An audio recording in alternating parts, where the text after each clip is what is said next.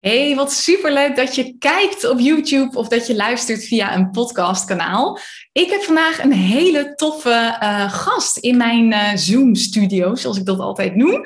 Ik zit hier namelijk met Lisanne Drost van NFT Wegwijs. En zoals je weet ben ik de laatste tijd ben ik me wat meer aan het uh, verbreden in mijn positionering. Dat ik het niet alleen maar heb over business bouwen, marketing, salesstrategie, maar ook veel meer over dingen als crypto, NFT's, investeren. ik vind het namelijk heel belangrijk dat je niet alleen leert om geld te kunnen verdienen met bijvoorbeeld je bedrijf, maar ook je geld slim te managen. En we leven nu gewoon in een tijd dat er ja, hele bijzondere dingen gewoon mogelijk zijn in crypto, in NFT's. En ik vind het belangrijk om een stukje bewustwording op dat gebied te verspreiden. Dus ik heb het zelf al veel over crypto gehad. Daar zit ik zelf ook heel erg in, al sinds 2017. Uh, eh, laatst een, een interview met Marvin ook gedaan op mijn podcast. En nu wilde ik het eens over NFT's hebben. Dus ik heb Lisanne uh, daarvoor uitgenodigd. En dit is echt een podcast voor beginners. Dus als je alleen eigenlijk weet van, nou, NFT's, ik heb ervan gehoord, maar je weet er verder gewoon nog helemaal niks van. Dus ik ga gewoon alle vragen die ik eigenlijk heb, ga ik stellen aan Lisanne en jij kunt er gewoon van mee uh, leren. Ik heb wel laatst ook een sessie gehad met Kim de Graven. Dat was al heel fijn. Die heeft me één op één even geholpen. Uh, maar dit gaat gewoon een fijne reminder, verdiepingsslag uh, zijn. Dus nou ja, we gaan het er samen over hebben. Hey Lisanne, leuk dat je er bent. Ja, superleuk om hier te zijn. Ja, heel tof. Hey, ik, heb, ik zei het net al, ik heb superveel vragen. De luisteraars waarschijnlijk uh, ook. Want ja, jij bent, je hebt een heel bijzonder verhaal. We hadden het de vorige keer dat we belden, hadden we het er al over. Jij hebt een baan in loondienst gehad. En op een gegeven moment ben je gewoon dit eigenlijk fulltime gaan doen. Wil je ons er dus in meenemen? Wat, wat is er precies gebeurd bij jou? Nou, het is eigenlijk ook wel bijzonder, want vandaag is het precies één jaar geleden dat mijn allerlaatste werkdag in, uh, in loondienst was. Ik, ik, oh. Opeens realiseerde ik me dat. Ik dacht, jeetje joh. En als ik dan bekijk wat dan in een jaar tijd allemaal is gebeurd.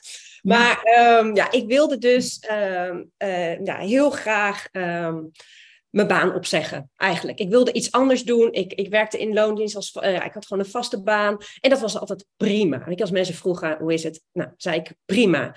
Maar ik was eigenlijk ook wel een beetje jaloers als ik mensen zag die vertelden over hun werk vol passie, uh, rainbows en unicorns, als we erover gingen vertellen. Toen dacht ik, oh, dat wil ik ook.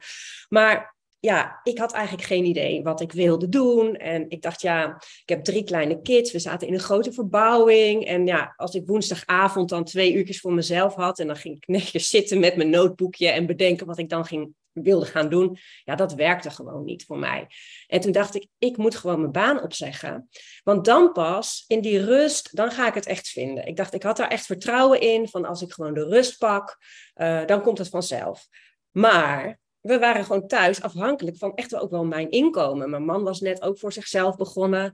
Dus ja, we hadden gewoon echt wel mijn inkomen nodig. Dus ik kon niet zomaar mijn baan op gaan zeggen. Want ja, we hadden eigenlijk gewoon ook daar gewoon niet die financiële ruimte voor. En ja, ik weet nog van als de auto dan gekeurd moest worden. En dan zat ik altijd een soort van met spanning mm. uh, te wachten als dan de, de, de garage belde wat de schade was. Want ja, ja, we hadden gewoon niet echt die, die ruimte, zeg maar, om allemaal hele gekke dingen te doen. En uh, nou, dus voor mijn gevoel kon ik ook niet mijn baan opzeggen. En moest ik op zoek naar andere manieren om geld te verdienen. Maar ik was daar ook eigenlijk helemaal niet mee bezig. En ik werd in dat jaar 40 en ik had zoiets van het is nu of nooit. Ik weet niet, dat was voor mij zo'n soort ding van nu, nu, nu, nu moet het. Dus, maar ik had geen idee hoe. En ik weet nog dat ik op een gegeven moment ook in bed lag en ook zei van hoe dan? Weet je, hoe ga ik gewoon geld verdienen op een andere manier? Want ik, ik wil, ik, ik, ik, ik, ik ja, ik, voor mijn gevoel kon ik gewoon niet die baan zomaar opzeggen zonder dat ik iets anders had. En uh, toen, een paar dagen later, las ik op nu.nl voor het eerst, eerst iets over NFT's. Ik ging bij mij niet gelijk uh, een belletje of een, of een lampje branden. Dat ik dacht van, oh, dit is echt iets voor mij. Ik las het en het ging volgens mij over een kunstwerk dat voor een paar ton toen was verkocht. Toen dacht ik, nou, uh, het zal allemaal wel. En had er verder ook niet heel veel aandacht aan besteed. En toen een paar dagen later ging ik koffie drinken met een goede vriend van mij. En uh, die handelde dus in NFT's en dat wist ik helemaal niet. En die ging dat dus tegen mij vertellen. En die zei, hey Lies, dit is ook echt iets voor jou. Want uh, nou, ik ben uh, onderzoeker, als, nou, dat heb ik eigenlijk al 14 jaar lang gedaan. En ik vind het leuk, ik hou van kunst. Dus ik, hij zei, nou, win-win en mm. ehm, ga er eens naar kijken. En ik had best wel wat vooroordelen. Ik dacht, nee, dat is zo'n hype. Dat is voor die snelle crypto-jongens. Ik ben niet technisch. Uh, toen begon die over hoe je dat, je dat met cryptomunten moest kopen. Was ik eigenlijk al een soort van afgehaakt. Dus ik zag allemaal bezwaren. Maar ik was ook wel echt nieuwsgierig. Want ja, ik dacht, hey, hij kan best wel heel veel geld verdienen. Dan zou ik het toch ook moeten kunnen doen. En uh, ik weet nog, ik ging naar huis en ik ging op Google gewoon NFT's in, intikken. En uh, ik ben gaan lezen en na vijf minuten dacht ik, dit, dit is gewoon echt heel cool. En ik ga hier gewoon uh, induiken. En dat heb ik gedaan. En, wat maakte, al, al, heel even een vraag ook tussendoor. Wat, wat maakte dat je toen na die vijf minuten al dacht, wat vet. Was er iets wat je, wat je triggerde op dat moment? Ja, ik vond het sowieso heel leuk. Um, dat het ook met, met, ja, met plaatjes, dat maakt het allemaal visueler. En, en, en um, voor mij gevoel ook, ook minder uh, ja, crypto, dat zijn die grafiekjes en, en, en ja, met die munten, met die tokens. Ja, dat, vond, dat sprak mij minder aan. Maar hier zat een heel uh, uh, ja, verhaal achter. En, dus dat, het, het, het, het, het bracht meer tot leven. Ik kon het meer. Um, ja, ik, ik vond het gewoon echt interessant. En er, er zat, ja, had dan die idee, nou, daar kom ik zo dat, nog wel op. Maar het, het, het, het, ja, het bracht meer leven. En het, het, het, de verhalen van die plaatjes, dat ik dacht, oh, dit is eigenlijk best wel interessant. En ook, nou ja, de, de winsten die werden gemaakt. Daar ben ik ook heel eerlijk in. Dat vond ik ook heel interessant. Ja, nou ja, en ik, wat ik nu leuk vind, want ik ben nu echt een beetje een soort van babystapjes aan het nemen op dat vlak, is dat er zit ook echt gewoon helemaal een community achter elk plaatje en zo, achter elke business. Dus dat is ook heel tof. Hey, en jij bent toen op een gegeven moment, nou, dat begon met die eerste vijf minuten gewoon eventjes googlen. En jij hebt toen op een gegeven moment, ben je vooral heel veel zelf gaan testen en proberen, volgens mij. Hè? Want op dat punt was het zo nieuw, was er überhaupt een cursus of iets dergelijks? Nee, het was uh, in juni denk ik zo ongeveer. En uh, toen ben ik er gewoon ingedoken. Ik heb, er waren een paar, uh, ik heb op YouTube alles gelezen wat los en vast zat. Want ja, en wat ik zei, ik ben een uh, onderzoeker van origine. En ehm, ik, ik, ik heb het echt gewoon, ben er helemaal ingedoken. Ik heb het ook echt gezien als een soort onderzoeksproject. Dus ik ging bekijken van oké, wat gebeurt hier nou? Echt helemaal uitzoomen. Ik wilde gewoon wel alles weten daarvan. Ik dacht, ik moet, ik moet dit begrijpen. Ik moet weten waarom mensen hier überhaupt geld aan in, in gaan uh, investeren. En waarom bijvoorbeeld het ene project waarvan je denkt, nou, dit is echt, uh, slaat helemaal nergens op. Een koala met gouden tanden en een joint in zijn mond, die naar de maan gaat, zeg maar. Hè? Dus de maan is zeg maar dat, het heel, uh, dat je heel veel winst kan maken. En een ander project waarvan ik echt dacht, wow, dit ziet er mooi uit. Dat is na twee weken helemaal niks meer waard. Dus ik wilde weten wat nou de, ja, ik, ik wilde alles weten. En er, er was toen nog geen cursus, er waren op YouTube waren van die jongens die dan zeiden, ja, je wordt binnen een week miljonair als je dit en dit en dit doet. Ja, of dan ging ik iemand volgen en die zei, dit project moet je kopen. En toen deed ik dat, weet je. En dan ging ik gewoon keihard, om het even plat te zeggen, op mijn bek. Ik heb best wel wat dure fouten gemaakt omdat, ja, je, ik heb het gewoon, uh, ja, uh, I learned the hard way, om maar even zo te zeggen. Dat is ook altijd mijn ehm, manier, ja. Ja, en dat is best wel, uh, ja, ik heb heel veel geleerd in een hele korte tijd. En uh, ze zeggen ook wel eens één week in of één maand in de NFT-wereld voelt als een jaar, zeg maar, omdat er zoveel gebeurt aan ontwikkelingen. Um, en zeker in het begin, ik stapte in in een bullrun. Dat betekent dat eigenlijk alles, alles helemaal de lucht ingaat. Dus elke, uh, alle projecten gaan bijna goed. Je kan heel snel winst maken, maar de wereld, het gaat ook heel snel dan. Dus de, de, de projecten die komen en dan koop je iets en dan kan je het gelijk weer goed verkopen. Dus ik was helemaal hyped gelijk, gelijk in het begin. En uh, ja, dus dat is wel echt heel. Um, er gebeurt gewoon heel veel wat, wat in het begin op me afkwam. En nou ik heb ook hele domme fouten gemaakt daarin, daardoor. Doordat ik gewoon zo in die rush zat en niet goed mijn verstand gebruikte. Van hé, hey, uh, Nee, en dat is meteen zo'n ding, hè? Weet je, het, het, uiteindelijk is het belangrijk om je emotie uit te schakelen met investeren. Um, maar op het moment dat je in zo'n bullrun zit, waarin alles lijkt te exploderen, dat je denkt, oh, ik wil erin mee. En dan krijg je een beetje hoogmoed. Ja, FOMO krijg je inderdaad, ja. hey, en laten we eens even helemaal bij het begin beginnen. Want dit is ook een van mijn vragen. NFT, waar staat het nou eigenlijk voor? Ja, een NFT staat voor Non-Fungible Token. En nou denk je, dat is, slaat eigenlijk ook best al een ingewikkelde uh, afkorting, zeg maar. En als we dan kijken bij fungibles, denk ik het makkelijkst om, om het belangrijkste onderscheid te maken. Uh, fungible betekent vervangbaar of verwisselbaar. Dus um, als ik een briefje van 20 aan jou geef, maakt het jou eigenlijk niet uit welk briefje van 20 ik jou geef. Het is allebei evenveel waard. Um, Bitcoin is ook non-fungible. Maar als iets uh, uh, is fungible, Bitcoin is fungible. Maar als iets non-fungible is, is het niet vervangbaar. Dus niet verwisselbaar. Dus er, het is eigenlijk uniek. Dus um, de Mona Lisa, daar is er maar eentje van. Een origineel exemplaar. Daar zijn er een hele hoop kopieën van. Maar alleen die echte Mona Lisa, ja, die is heel veel geld waard en non-fungible. En um, om het maar even zo plat te slaan. Bij de Mona Lisa heb je zeg maar een uh, eigendomscertificaat of een, een, een, certificaat van echtheid. Ik weet niet precies hoe ze dat noemen in de kunstwereld, maar daar staat gewoon: dit is het echte Um, dit is de echte originele Mona Lisa. Die hangt in het Louvre. En dat is de enige die heel veel geld waard is. De kopie in de IKEA, ja, dat is, uh, dat is niet zoveel geld waard. en zo is het eigenlijk ook met digitale kunst. Dus het echte originele plaatje van die digitale kunst, van, van een, bijvoorbeeld zo'n plaatje van zo'n gekke aap. Alleen het originele plaatje is veel geld waard. En dat is vastgelegd in plaats van waar de Mona Lisa op een, uh, een, certificaat van echtheid, en dat ligt ergens in een, in een kluis bij het Louvre, heb je nu uh, een eigendomscertificaat op de blockchain. Dus dat is dan een groot databoek eigenlijk, uh, die blockchain. En daar staat dus in dat het om het unieke, originele exemplaar gaat en wie de eigenaar daarvan is. En dat maakt ook dat bijvoorbeeld fraude um, ook helemaal niet mogelijk is met bijvoorbeeld uh, ja, met een NFT. En uh, omdat dat gewoon vastgelegd is op die blockchain. En op die blockchain kunnen wij zeg maar niet zomaar iets herschrijven. Dus dat, dat, dat ligt gewoon vast forever. Ja, duidelijk. Oh, sorry, heel even tussendoor. Je ziet misschien mijn kat ja, op de achtergrond. Ze staat, ze staat te krabben aan de deur. Uh, ik ben echt gewoon een slaaf van mijn kat. Het is vreselijk. Ik zal er heel even uitlaten. Ja, nou wil je dit weer? ik denk de mensen die op YouTube kijken, die zien dat ook. Zo.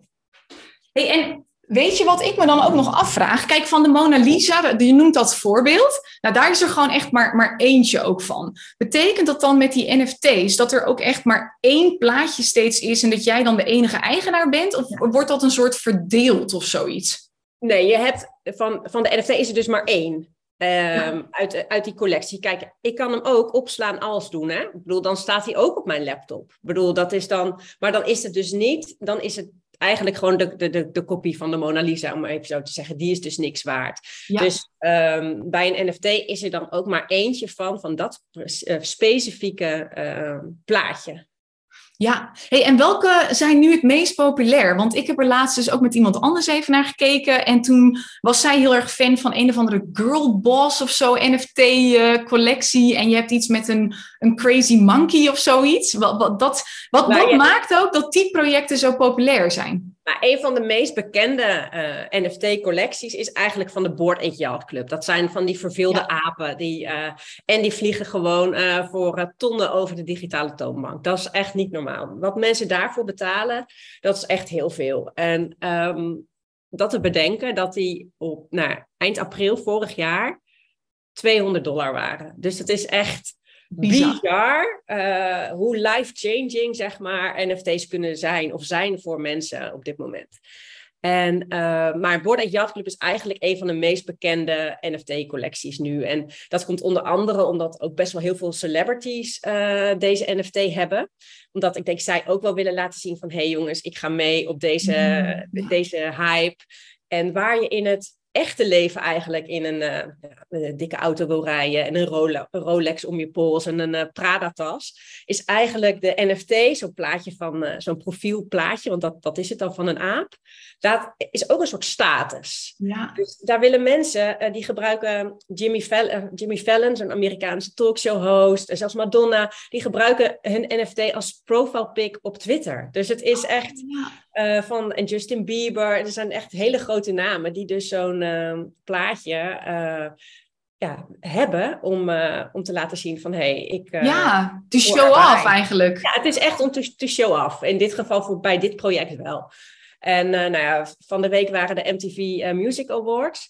En daar waren Snoop Dogg en Eminem, die traden ook op in een hoodie van, uh, van, de, van de Board Yacht Club. En die hadden in de metaverse van, dan wordt het een beetje ingewikkeld, van Board Yacht Club ook een optreden in de vorm van een avatar als, uh, als zo'n aap. Dus het oh, is echt nou ja, leeft gewoon helemaal. Ja, en dat is ook het ding, ook met crypto. Het is eigenlijk een heel psychologisch spel, hè? omdat wij er waarde aan toekennen, omdat het net ergens wordt opgepikt en meegaat in een hype van, door een celebrity, ja, wordt het ook meer waard. Het is een heel, ja, ik vind het altijd heel interessant hoe dat werkt met menselijke psychologie. Hey, en zie je ook dat NFT, is dat een beetje verbonden aan crypto? Dus als de crypto in een bullrun zit, dus alles omhoog gaat, is dat bij NFT vaak ook zo? Of staat dat echt los van elkaar? Nou, sowieso moet je in een NFT koop je dus niet in euro's of in dollars. Hè. Die koop je dus uh, met Ethereum uh, meestal. Dat is eigenlijk op dit moment de grootste. Uh, ja, daar, daar kan je op dit moment de meeste NFT's mee kopen. En um, wat je eigenlijk ziet, is dat was eigenlijk tot voor kort. Nu, nu zitten hele financiële markten best wel in een, in een bear market. Hè. Die staan allemaal best wel onder spanning. Dus nou liggen, ja, die staan ook best wel onder druk. Dus zowel de cryptomarkt als de NFT-markt. Wat je eerst zag, uh, een paar maanden geleden, is als de NFT-markt in een boel ging, dus uh, heel goed ging, dat juist de, de of als de, de cryptomarkt in een, heel goed ging, ging de NFT-markt weer iets minder. Want dan wilden de mensen die dan in crypto zaten eigenlijk die run meepakken. En als de cryptomarkt weer een beetje uh, minder werd, gingen mensen weer investeren in NFT's, omdat daar dan de meeste kansen lagen. Dus die lagen eigenlijk, waren die uh, net, aan, net andersom aan elkaar gekoppeld, om maar even zo te zeggen. Want je merkt ook dat de mensen die in NFT zitten, die zitten vaak ook in crypto en andersom bijvoorbeeld. Nou ja, je hebt namelijk wel uh, uh, cryptomunt nodig. Je hebt Ethereum nodig, of Solana, dat is een andere cryptomunt, om uh, NFT's te kunnen kopen. Dus je moet wel iets met crypto hebben. Dan moet ik zeggen, ik was helemaal niet van de crypto. Hè. Ik had hiervoor helemaal nooit, ik had een heel erg vooroordeel op crypto. Ik dacht, dat is alleen maar voor die snelle jongens, past helemaal niet bij mij. En ja, ik, ik had daar best wel wat, nou ja vooroordelen over wat ik nu allemaal heb losgelaten. En uh, maar ik ben dus begonnen met NFT's en toen pas zeg maar meer uh, gaan investeren ook in andere cryptomunten. Maar ja, je kan het natuurlijk ook andersom doen. Dus, uh... want bij mij is het weer andersom. Ik ben ja, crypto begonnen, nu meer met ja. EFT. Hey, en dat vond ik ook interessant wat jij zei. Um, dat je met NFT's kun je een soort dubbele winst pakken, maar waarschijnlijk ook dubbel verlies. Omdat je natuurlijk ook, je koopt met Ethereum en dat gaat ook op en neer. Dus het kan zo zijn dat je NFT, dat die omhoog gaat, tegelijkertijd ook Ethereum. Ja. En dat maakt dat je nog meer verdient, toch? Ja, precies. Ja, dus uh, een paar weken geleden kon je Ethereum nog kopen voor op het dieptepunt was volgens mij 800 dollar of 800 euro. En uh, hij stond uh, twee weken geleden volgens mij op 2000. Weet je, dus je hebt die, die, die, die winst heb je al. En als dan je NFT ook nog uh, um, iets in waarde stijgt, dan heb je eigenlijk keer twee uh, winst. Maar je moet dus wel bedenken uh, voor ja, welk bedrag je je NFT hebt gekocht in dollars. Want je ziet dat dan wel, um, in de dollarprijs zie je er eigenlijk wel bij staan. Je rekent wel af in Ethereum, maar je ziet altijd de dollarprijs. Dus je kan ook uh, denken voor je gevoel, ik heb op basis van de Ethereum-prijs, ik koop iets voor 0,1 ETH bijvoorbeeld, dat is dan uh, even 120, of, uh, nou, 160 euro.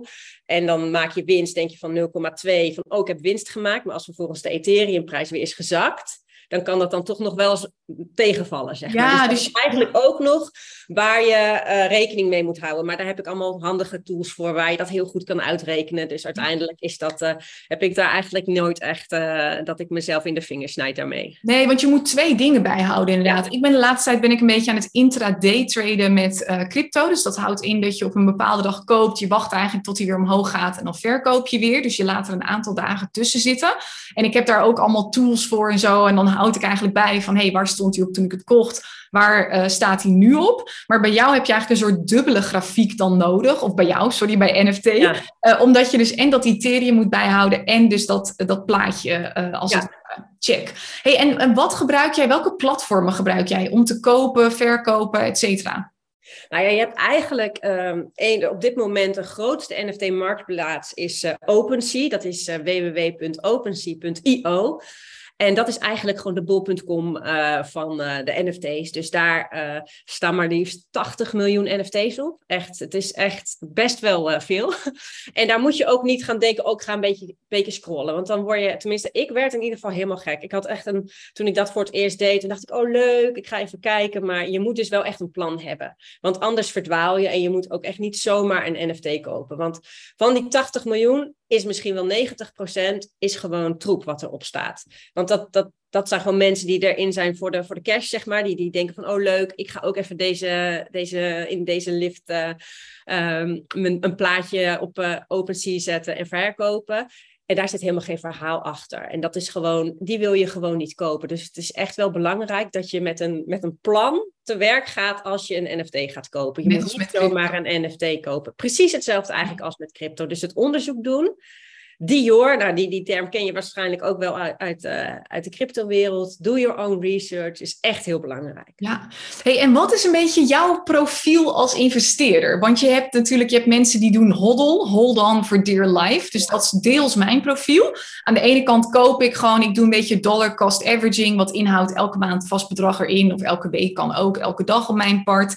Uh, en ik hou het heel erg vast, omdat het voor mij ook een lange termijn ding is. Maar een deel van mij is nu ook wat meer aan het dus dat ik koop op de ene dag, verkoop op de andere dag. Ik vind dat gewoon een leuk spelletje. Daardoor leer ik ervan, ben ik veel meer betrokken.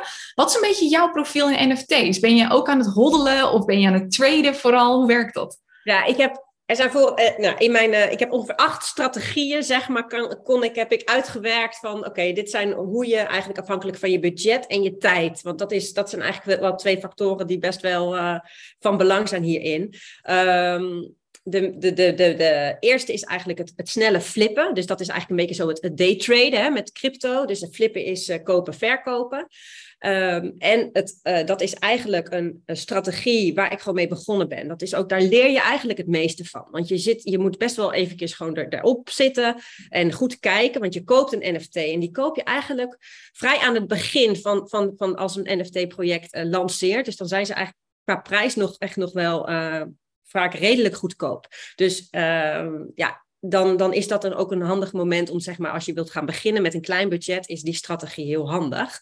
Dus je koopt een NFT en dan ga je hem eigenlijk heel snel weer verkopen.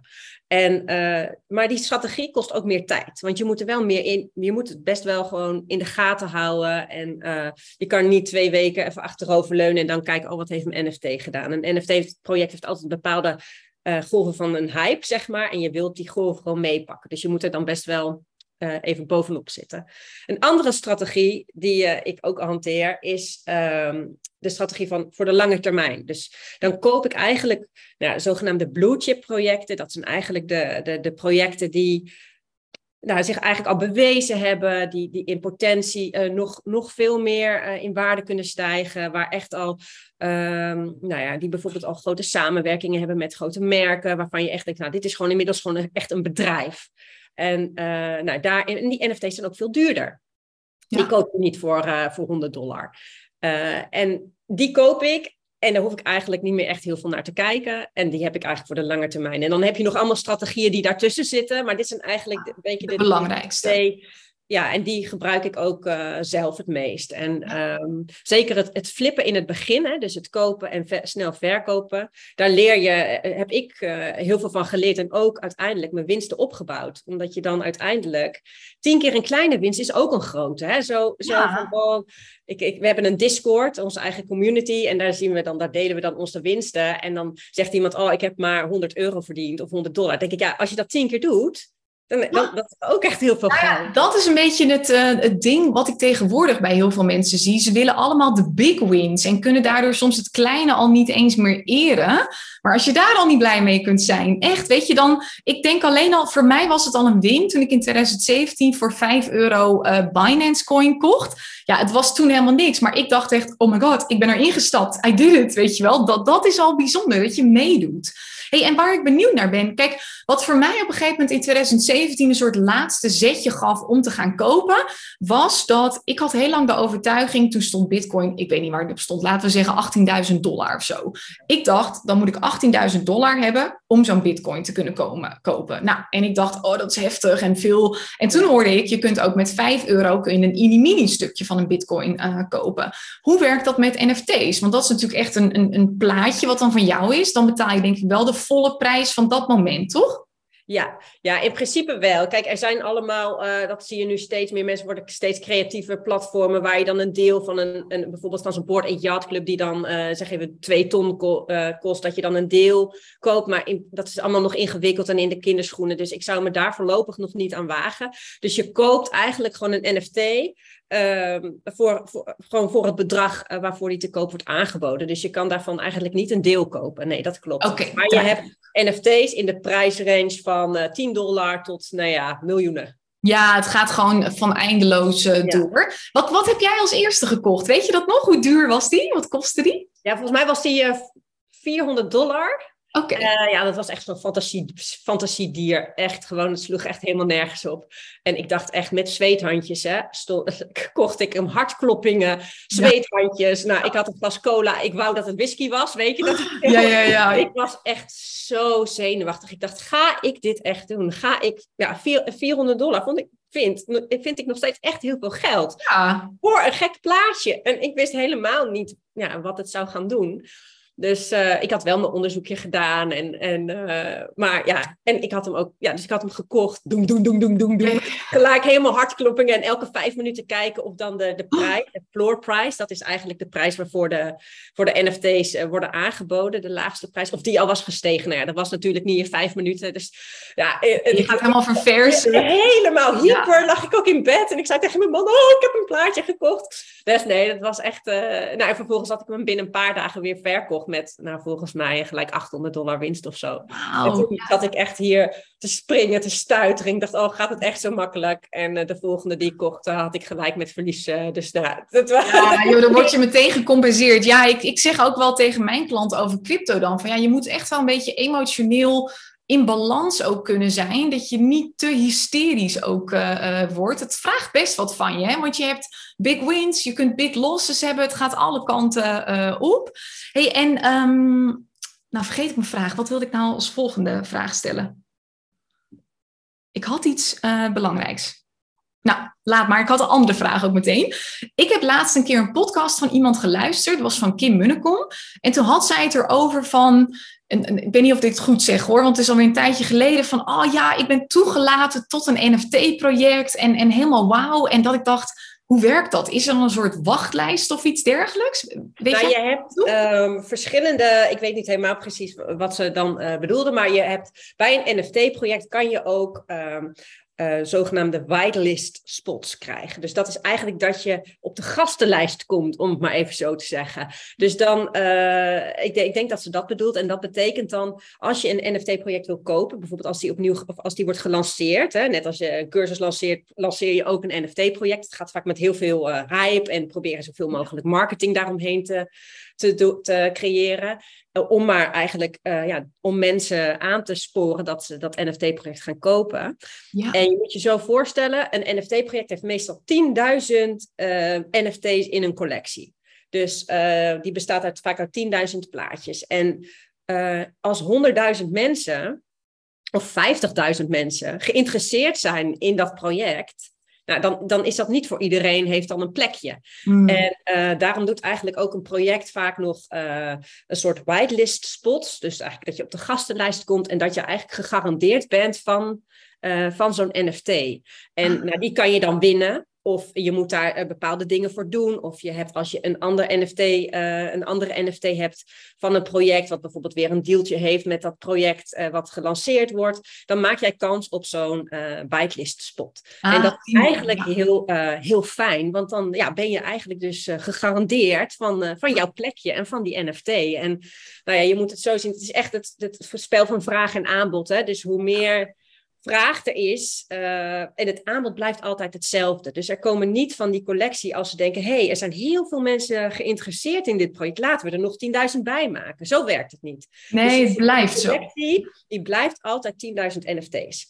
En dan wil je eigenlijk als project zoveel mogelijk, uh, nou ja, dat mensen eigenlijk zoveel mogelijk dat NFT-project willen kopen. En degene die hem dan hebben gekocht, die denken: ja, doei, ik vind dit zo'n tof project. Ik ga die niet verkopen. Ik hou hem even, ik hou hem lekker. Dus die hodel, hè, dus die diamond hands noemen ze dat ook wel, dat ze hem niet verkopen. En dan heb je die hele wet van vraag, ja, dat spel van vraag en aanbod hoe meer vraag er is en hoe, hoe minder aanbod, dan gaat die prijs zie je dan steeds uh, meer omhoog gaan. En dat is eigenlijk uh, wat, wat je ziet gebeuren bij de goede NFT-projecten. Die schieten dus van 200 dollar vorig jaar met die uh, van die verveelde apen naar, naar tonnen eh, voor nu. Dus dat is gewoon omdat degene die ze hebben denken, ja, doei, ik ga hem niet verkopen. En als ik hem verkoop, verkoop ik hem voor, voor vier ton. Precies, ja. En dat is, dat, dat, ik weet alweer wat ik net wilde zeggen. Het was geen vraag, maar meer een opmerking. Ik denk dat we zijn in een tijd beland dat ons brein bijna niet meer kan bevatten wat er mogelijk is en wat er gebeurt. Want ook die, die board ape, ja, ik zie dat en ik denk what the fuck, even heel eerlijk. Hè? Weet je, waarom betalen mensen hier geld voor? Ik snap het gewoon bijna niet meer. En, en hoe de wereld werkt. En het is echt belangrijk, tenminste als je daarin mee wilt, dat je, dat je anders gaat kijken en denken. En dat je inderdaad gewoon denkt, ja, het is allemaal niet zo heel logisch. Maar ja, tegelijkertijd ook weer wel, ik wil, wil meedoen. Ja, ik denk ook echt hè, dat je nu, uh, we zitten nu in de hele, um, Facebook heeft zijn naam in Meta veranderd. Bijvoorbeeld. Dat doen ze niet voor niks. Dat is voor de metaverse. Dat is in, nu helemaal in ontwikkeling. Dus uh, ik, of we er nou helemaal blij mee moeten zijn, dat weet ik niet. Maar dat er dus straks over een paar jaar veel meer zo'n hele digitale wereld met een avatar en dat daar veel meer gaat gebeuren, zeg maar. Dat wordt nu, nu gecreëerd. En hele grote bedrijven, Nike, Adidas, Prada, uh, nou, noem maar op, die zijn dus nu allemaal bezig met eigen NFT-projecten. Um, bezig om maar uh, mee te gaan in die, in die metaverse, ja, Web 3-ontwikkeling wat je, van het internet, die doorontwikkeling van het internet. Die, die grote bedrijven zijn hier gewoon nu mee bezig. Waar je, nou, ik weet niet, toen social media net opkwam, um, zag je bij internationale, internationale vacaturesites heel veel um, social, um, social media manager. Of dat bedrijven, grote bedrijven, dachten van eerst nog van nou Instagram en TikTok, dat is helemaal niks voor ons bedrijf. Maar nu, ze moeten wel, ze moeten mee. En dat zie je nu, als je kijkt naar bijvoorbeeld naar vacatures, zie je heel veel vacatures van grote bedrijven die het metaverse zoeken. Mensen voor de metaverse, voor Web3. Dus uh, dat is ook wel vind ik een signaal waarvan ik denk, ja, deze trein die dendert wel door, hè, deze ontwikkeling. Hij blijft. Die gaat gewoon keihard door. En dan kan je er maar beter een beetje in gaan verdiepen. Want het biedt zoveel mogelijkheden en kansen voor ondernemers, voor, voor gewoon voor als je, maar ook gewoon als je gewoon als, als privépersoon, zeg maar, kan je gewoon zoveel hiervan uh, oppikken. En uh, ook al is het maar zo mini-mini beetje wat je ermee van kan profiteren, denk ik, nou verdiep je daarin. Nou ja, en hoe eerder je vaak instapt met dit soort dingen, hoe beter ook over het algemeen. Hey, en om het te begrijpen, ik vul dit een beetje in, hè? misschien zit ik er helemaal naast. Jij noemt net, we hebben dat metaverse met een digitale existence. En je hebt het over Nike en Prada. Betekent dat dan dat zij bijvoorbeeld bezig zijn met Nike schoenen die je dan in die digitale wereld kunt dragen als ook een soort statussymbool?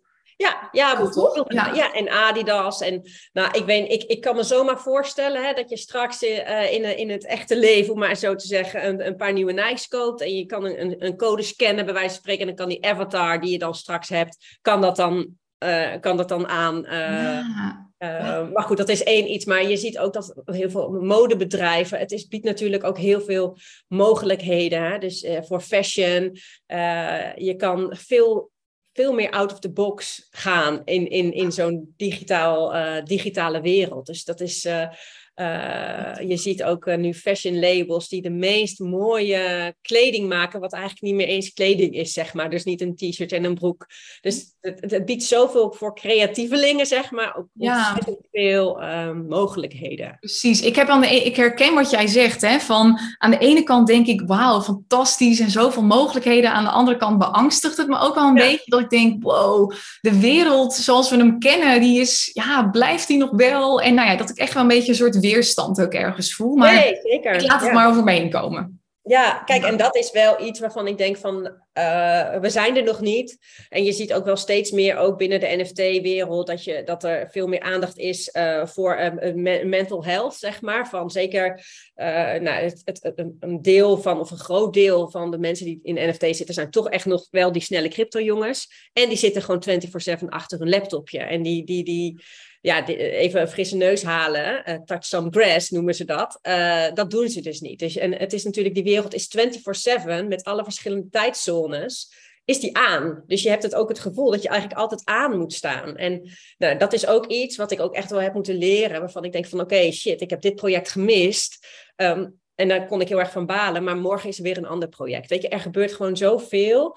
En het is ook echt goed om daar, daar dan jezelf niet in te verliezen. En mm. gewoon, uh, um, nou ja, verdiep je erin en leer wat er is. En, en, en, en, en um, nou ja, je aandacht vol. Je kan niet alles volgen. Dat is nee, en leer het dus ook loslaten eigenlijk. Zeg, maar hoor, een vriend van, uh, van Tristan, die zat heel diep in crypto dan.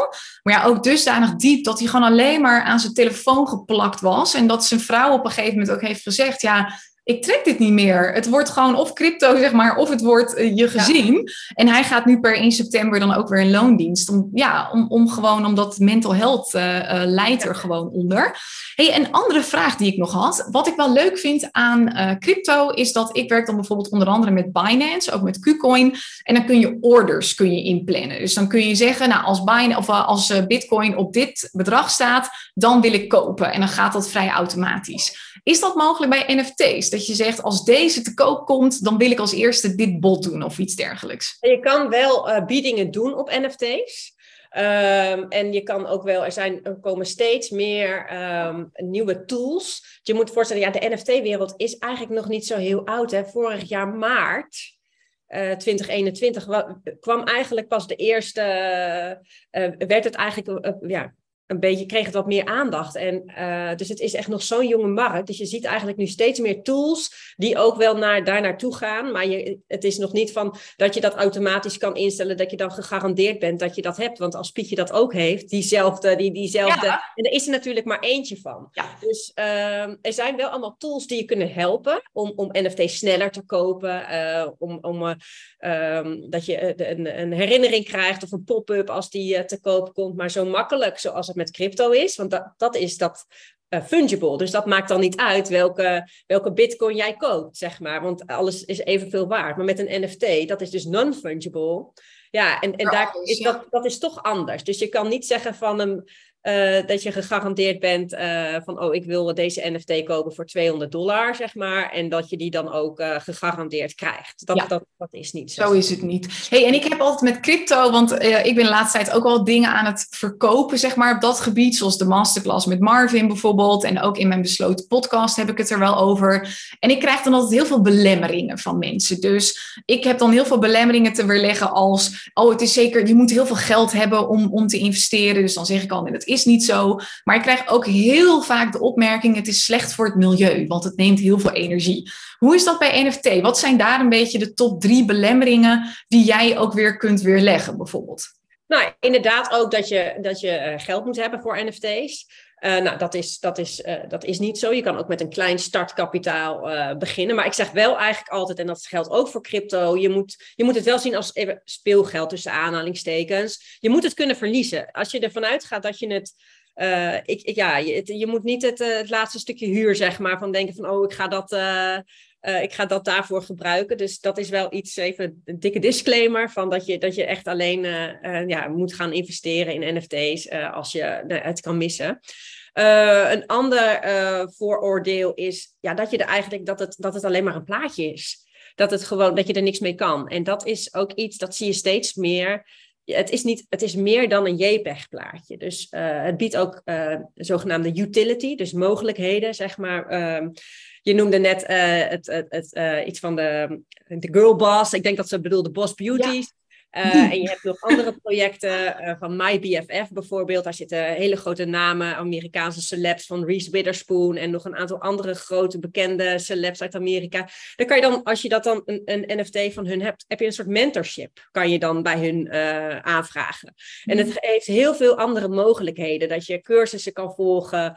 Um, ja, en dat is, zijn, dat is eigenlijk ook nog het leuke ervan. En, en dat maakt NFT-projecten ook op dit moment heel erg interessant. Het zijn, ik zie het echt als een start-up, een NFT-project, waar ik in wil investeren. En ik bedenk me, is dit uh, is deze start-up of deze NFT over zes maanden ook nog interessant om te hebben? En als dat antwoord dan ja is, dan, dan, nou, dan denk ik van oké. En dan ga ik verder nadenken van oké, okay, uh, wat, wat, wat gaan ze allemaal doen? Wat zeggen ze dat ze doen?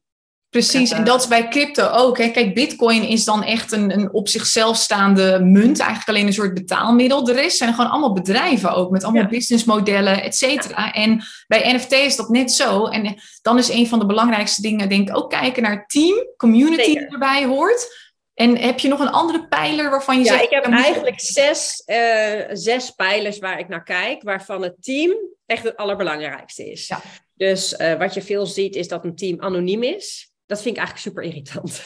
Dan denk ik, ja, ik wil wel weten aan wie ik mijn geld uh, geef, om even zo te Want zeggen. Dus... Als, zij weten dat waarschijnlijk ook, dat mensen kijken naar het team. Waarom zouden ze zichzelf anoniem maken? Dan ja, zijn het dan de scams?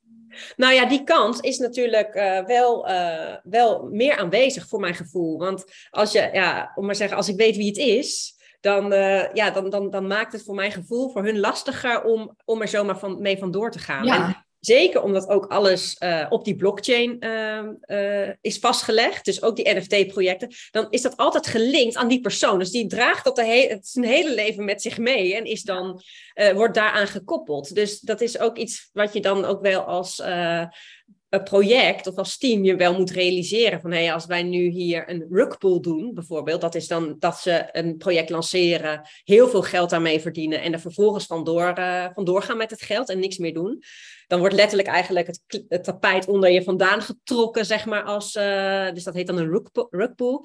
Uh, ja, dat wil je gewoon niet. En dat wordt lastiger uh, als, als mensen weten wie je bent. Als ze ja. op LinkedIn zien, nou ja, dan ben je zo gevonden, om maar even zo te zeggen. Terwijl een anoniem team, ja, dat, dat, dat, dat kan, voor, kan meer kan meer doen. Dus ik vind ja, dat. Dus dat, uh, is, uh, dat is red flag number one, zeg maar. Ja, nou ja, er zijn ook anonieme teams die of projecten waar een anoniem team achter zit, wat wel goed is gegaan. Hoor. Maar uh, ik, ik vind het voor mij wel een, in eerste instantie wel een rode vlag. Ja, snap ik inderdaad.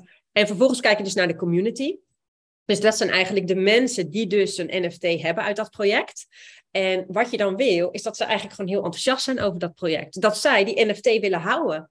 Um, want ja, als zij hem allemaal weer gaan verkopen, dan zie je vaak die prijs steeds meer naar beneden gaan. Want ja, dan, wilt, uh, dan biedt de ene hem voor 200 dollar aan, dan denkt die ander van nou, ik ga even 199 doen. En dan gaan ze zo, zo steeds, wordt de prijs steeds lager. Dus je wilt eigenlijk dat die community echt achter dat project staat. Want hoe meer mensen het project willen hebben, hoe beter. En als zij dan, ja, dat hoddel, zeg maar, als ze dat uh, doen, dat is voor mij een heel goed teken. Dus als ze uh, nou, echt het project dragen. En ik heb meteen al een vraag daarover, ja. want je zegt uh, in Discord, dat is een soort van, een beetje een Slack-achtig iets, toch? Een soort Facebook community ja. ding. En, en, en, Discord is eigenlijk een soort Facebook, grote WhatsApp groep. Dat zie je eigenlijk daar. Elk, elk project heeft een eigen Discord. Okay. En um, daar worden eigenlijk alle. Daar kom je als community samen. En daar is ook het team en dan kan je vragen stellen. En uh, nou, daar worden announcements, dus mededelingen gedaan als er iets met het project is. En als jij als koper, of als ik, ja, ik ga bekijken van vind ik dit project interessant, dan kan je dus ook altijd een kijkje nemen in de Discord. En wat ik dan doe, ja. is zeggen: hoi, ik uh, ben, uh, ik wil dit project misschien gaan kopen om even, te, even de sfeer te proeven. Als iedereen heel onaardig is en mij helemaal niet wil helpen in een Discord als ik een vraag stel, dan denk ik, nou, ik, ik, laat, maar, ja. laat maar. Terwijl als ze zeggen, hoi, uh, weet je wat leuk, wat wil je weten? En als dan ook nog het team of zo erbij komt, nou, dan, dan is dat voor mij een heel goed teken. Ja, ja, want dat was ook mijn vraag. Kun je daar dan alleen in zodra je gekocht hebt? Maar dat kan dus ook daarvoor al? Ja, ja. bij de meeste Discord is eigenlijk wel uh, dat het daarvoor is. En uh, dan hebben ze vaak soms ook nog wel een kanaal alleen voor de echte eigenaren, zeg maar, hè, voor, de, voor de owners. Ja. Maar uh, er is eigenlijk altijd wel nog een, openbare, een openbaar kanaal waar je gewoon in kan om je vragen te stellen. Dus hey, en heb... die Discord, laatste vraag erover hoor, ja. maar mijn brein gaat helemaal aan. Wat wordt er vaak besproken? Is het dat de winst gedeeld worden? Zijn het inhoudelijke vragen? Wat, wat gebeurt er in zo'n Discord? Ja, het is heel wisselend per, ehm, per project eigenlijk. En, um, nou, bij de ene gewoon heel dikjes en datjes, weet je, van wat ga jij doen? Het is ook gewoon, mensen komen daar ook samen. Hè? Dat is ook uh, van, uh, nou, wat heb jij gedaan vandaag? En, uh, sociaal. Worden, ja. Heel sociaal. Het heeft ook echt een heel sociaal component. Maar er worden bijvoorbeeld ook nog, een, ja, een beetje afhankelijk van de Discord, nog andere projecten besproken. Van, joh, heb je dit gezien? Heb je dat gezien? Of um, nou, ontwikkelingen binnen de NFT-wereld. dus het is eigenlijk heel divers waar het over gaat. En soms nou, zitten ze, zie je alleen maar afkortingen staan van When Moon of When Lambo. Van wanneer gaan we naar de maan? Wanneer gaat de prijs omhoog? Of van, van we gaan lekker. Dus het wisselt eigenlijk heel erg wat er in een Discord wordt besproken. En het ene Discord vind ik heel fijn en de andere, daar word ik aangesproken met Yo bro. Dan denk ik, nou doei, ik, ik ben hier... Ja. Ik ga je weg. Uh, dus ja, het, het, wisselt heel erg. Uh, dus ik heb ook maar een, bij een paar projecten waarvan ik denk, ah, hier voel ik me een soort van wel thuis. En daar, daar ben je dan, uh, daar, daar, daar zit je dan, bekijk je dan de Discord. Ja, dus voor jou is ook een soort, dat zou voor mij hetzelfde zijn, een soort gunfactor ook. Dat je denkt, hé, hey, ik voel me hier fijn, ja. dus dit is een, een, een, groene vlag, zeg maar. Ja, en wat, wat is een beetje, want je hebt dus Discord voor NFT's, heel erg belangrijk. Ja. In crypto heb je Twitter en Telegram, waar eigenlijk alles gebeurt. is dat met NFT's ook nog zo? Je hebt ook uh, NFT Twitter. Ja, Telegram okay. niet zo, maar je hebt wel uh, Twitter. Dus ik zou zeker als je ook voor de ontwikkelingen, voor nieuwe projecten, um, een Twitter-account aanmaken. Ik zou wel een privé of, of een losse NFT-Twitter-account aanmaken, want je gaat uh, nou ja, ook op, op, op replyen en retweeten, zeg maar, op giveaways en dingen. Want je kan vaak ook dingen winnen als je een, een, een, uh, een tweet retweet. Dus ja, ik, ik heb toen echt een apart account aangemaakt, die niet dat mijn collega, oud-collega's opeens gekke plaatjes voorbij zien komen van denk wat is zij nou aan het doen? Dus ja. nee, daar gebeurt heel veel. En uh, er zijn een aantal grote namen, bijvoorbeeld Gary uh, Vaynerchuk, Gary V, die is ja. heel erg van de NFT's en ik vind hem heel inspirerend. En uh, nou, ik volg hem dan ook op Twitter. En zo zijn er een aantal andere grote namen die, die ik volg, om gewoon ook de ontwikkelingen van NFT Twitter of van, van de, van, en, ja, die zich afspelen binnen de NFT-wereld goed in de gaten te houden en te volgen. Hmm. Leuk man. Hey, en we, we namen echt een dikke vette detour, want we hadden het eigenlijk over ja. die zes pijlers ja. ook nog in ja. eerste instantie. Ja, even Dus ik had zeg maar de Steam en community. Daarnaast kijk ik eigenlijk naar de utility. Dus dat betekent eigenlijk ja, de toepasbaarheden van wat kan ik er nog meer mee? Is het alleen maar het plaatje of zit er nog meer achter? Ik noemde al even het voorbeeld van, uh, van een NFT-project, bijvoorbeeld MyBFF. Die, daar, heb je mentorships, daar heb je coaching, daar heb je allemaal cursussen waar je aan kan deelnemen als je die NFT hebt. Maar je hebt bijvoorbeeld ook mogelijkheden voor staking. Dat is dan eigenlijk, ja, daar kan je dan, uh, of um, ja, je, je, je, geeft dan eigenlijk je NFT, zet je eigenlijk in de kluis van het project. En in ruil daarvoor uh, krijg je of uh, tokens of andere uh, ja, vorm van passief inkomen. Kan je daarmee genereren? Of je kan daarmee dingen verdienen van, die weer interessant zijn om, om de NFT te houden. Um, andere utility is bijvoorbeeld, je hebt een, uh, in New York heb je een groot restaurant, die heeft zijn eigen NFT. En dan met die NFT heb je toegang tot ex een exclusieve ruimte, weet je. Dus dat is ook al mm, heel, je ziet steeds meer mogelijkheden, zeg maar, uh, die um, nu uh, ja, worden uh, ja, hoe noem je dat? Uitgerold? Of... Ja, die worden uitgerold. Want ja. mensen zijn zo creatief. En dan denk ik, oh wauw, wat, wat, wat tof. En in real-life events, dat je gewoon een, een feest hebt van een project. En dan kom je toch... Ja, het zijn heel veel verschillende type mensen. Ook in mijn community zit echt een astrologe tot een advocaat, om maar even zo te zeggen. En die hebben toch, komen toch samen in deze wereld. En dat maakt het ja, wel... Het is een verbindende factor. Heel leuk. Ja, dus het is heel divers. Maar vervolgens heb je wel ja, het, het, voelt ook wel echt als een community, zeg maar. Als je dan naar zo'n event gaat van, van jouw project. Je hebt toch uh, ja, gelijkgestemden op, op uh, ben, je met, ben je toch met elkaar. En dat ja. maakt het heel leuk. Dus je kijkt naar de utility. Nou, daarnaast kijk ik naar de roadmap. En de roadmap is eigenlijk nou, uh, de whitepaper van wat gaan ze doen. Wat, wat, wat, is de visie van, van het bedrijf? Ik had al van, de, van het NFT-project. Ik zei al van, ik, vind, ik zie een NFT-project als een start-up. Dus ik ga bekijken van, wat, wat gaan ze allemaal doen? Wat is hun visie? Uh, nou, ga ik erop aan? En ook belangrijker nog, leveren ze ook daadwerkelijk? Hè? Doen ze wat ze zeggen? Dus nou ja, dat kan ik dan ook weer, uh, dat ga je dan ook weer bekijken. En dat kan je onder, onder andere in de Discord vragen van, oké, okay, wat hebben jullie nu, uh, nu gedaan tot nu toe? Ja, en daarnaast heb je nog de art. Dus hoe ziet het plaatje eruit? En dat is Ehm, ja, eerst vond ik dat best wel heel belangrijk. Gewoon omdat ik dacht, ja, ik wil geen uh, suffe plaatjes kopen. Maar ja, het is best wel subjectief. Ik bedoel, wat ik zei, een koala met gouden tanden en een joint in zijn mond ging voor 20.000 euro, de, werd verkocht. En, uh, en, en, een heel mooi plaatje die ik had, die, ja, daar verdiende ik helemaal niks mee. Dus hmm. art is zeg maar wel uh, ja, het minste waar ik naar kijk. Ik kijk wel, is het vernieuwend of is het gewoon uh, het, het tien, ja, twaalf uit een dozijn, zeg maar. Of, ja. Maar niet per se van, vind ik het mooi? Weet je, het nee. is iets wat je per se nee. aan de muur ook had. Nee, nee, oh zeker niet. Ik denk, ik heb een dochtertje van vier. Ik denk, zij kan uh, mooie, mooie tekenen dan sommige NFT's die ik heb, om ja. maar even zo te zeggen. En uiteindelijk, ik koop het ook gewoon, ja, daar ben ik voor de handel. En als ik denk, ja, als ik uh, geld kan verdienen met die koala, met gouden tanden, dan doe ik dat. Weet je, dan ja, precies. Zo mag je er ook naar kijken. Ja. Eens, hoor. Jeetje, ik zit even te denken. Dit is natuurlijk mijn kans. En meteen ook voor de luisteraars of de kijkers ben ik iets vergeten waarvan jij zegt, oh, daar heb je niet gevraagd, maar, maar dat is echt nog even belangrijk gewoon voor nu om te weten, want ik weet er is heel veel meer, hè? dus gelukkig ga je zo ook nog een aanbod uh, doen voor een training, maar misschien is er nog één ding waarvan je zegt, oh, dat is nog even leuk of belangrijk om te delen. Nou, ik denk dat het, dat het als jij je überhaupt hier, um, als je terugdenkt aan Bitcoin 2011, internet 1995, hè, mensen waren sceptisch, dachten van, nou, dit, dit is helemaal niks voor mij en dit gaat wel weer, is een hype, gaat wel weer over. Um, ja, en, en die, die, diezelfde, je, je ziet nu NFT's vaak negatiever in het nieuws. Hè? Dat er scams zijn, dat mensen worden opgelicht, dat het, dat het uh, niet oké is. Maar er gebeurt zoveel meer dan dat. En het geeft mij wel een beetje die vibes van toen, van Bitcoin en het internet. Van kijk even waar ze nu staan. En wat ik zei, die trein gaat wel door. En grote bedrijven stappen niet voor niks in. En uh, die hele ontwikkeling, het is gewoon best wel heel interessant om je hier bewust van te zijn. En het is uh, veel meer dan die plaatjes. Het biedt ook heel veel kansen voor uh, ondernemers voor, voor een membership te maken, voor um, artiesten die nu een album uitbrengen als NFT. En dan gaat eigenlijk de middleman ertussen uit. Hè? Dus de grote platenmaatschappijen die, waar oh heel veel eh, royalties naartoe gaan, die, die, die, verdwijnen. Dus er blijft veel meer in die end over voor een artiest. Het biedt heel veel kansen. En we staan nu echt nog aan het begin. Het staat echt nog in de kinderschoenen.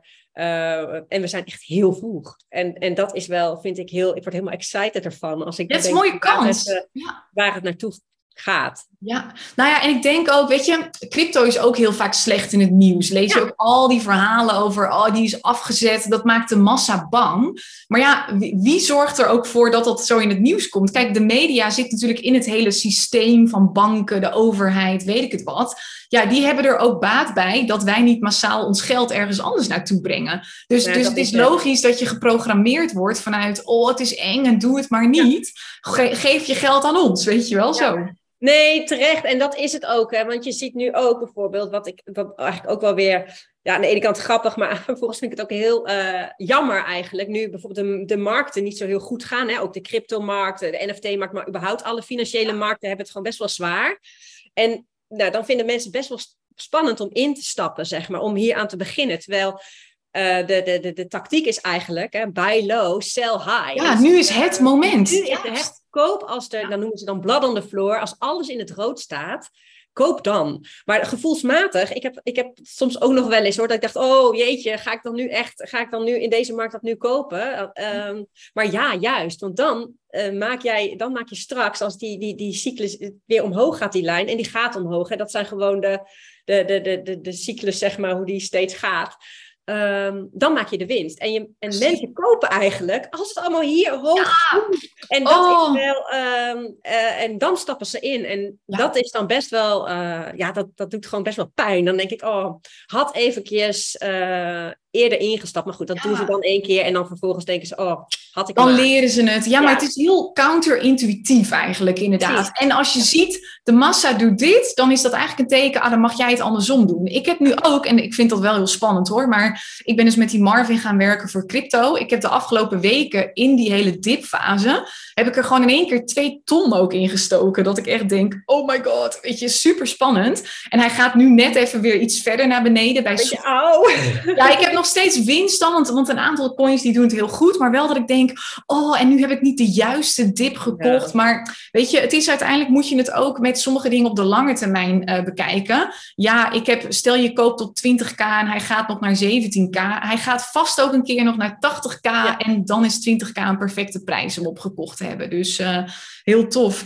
hey, laten we hem afsluiten met jouw aanbod. Want jij hebt natuurlijk een mega toffe training heb jij gemaakt. Of een training, dat doet het eigenlijk tekort. Echt een online programma. Uitgebreide, ja? uitgebreide cursus. Want wat ik al zei, ja, het is 80, of, 80 eh, tot 90 procent van de NFT's is gewoon troep. En je moet echt weten welke NFT's je, je moet kopen. En het kan van het koren scheiden. En anders, ja, uh, je, je kan het allemaal zelf uitzoeken. Uh, dan duurt het een stuk langer. Maar je kan ook de shortcut nemen en uh, ja, bijvoorbeeld um, een, cursus volgen.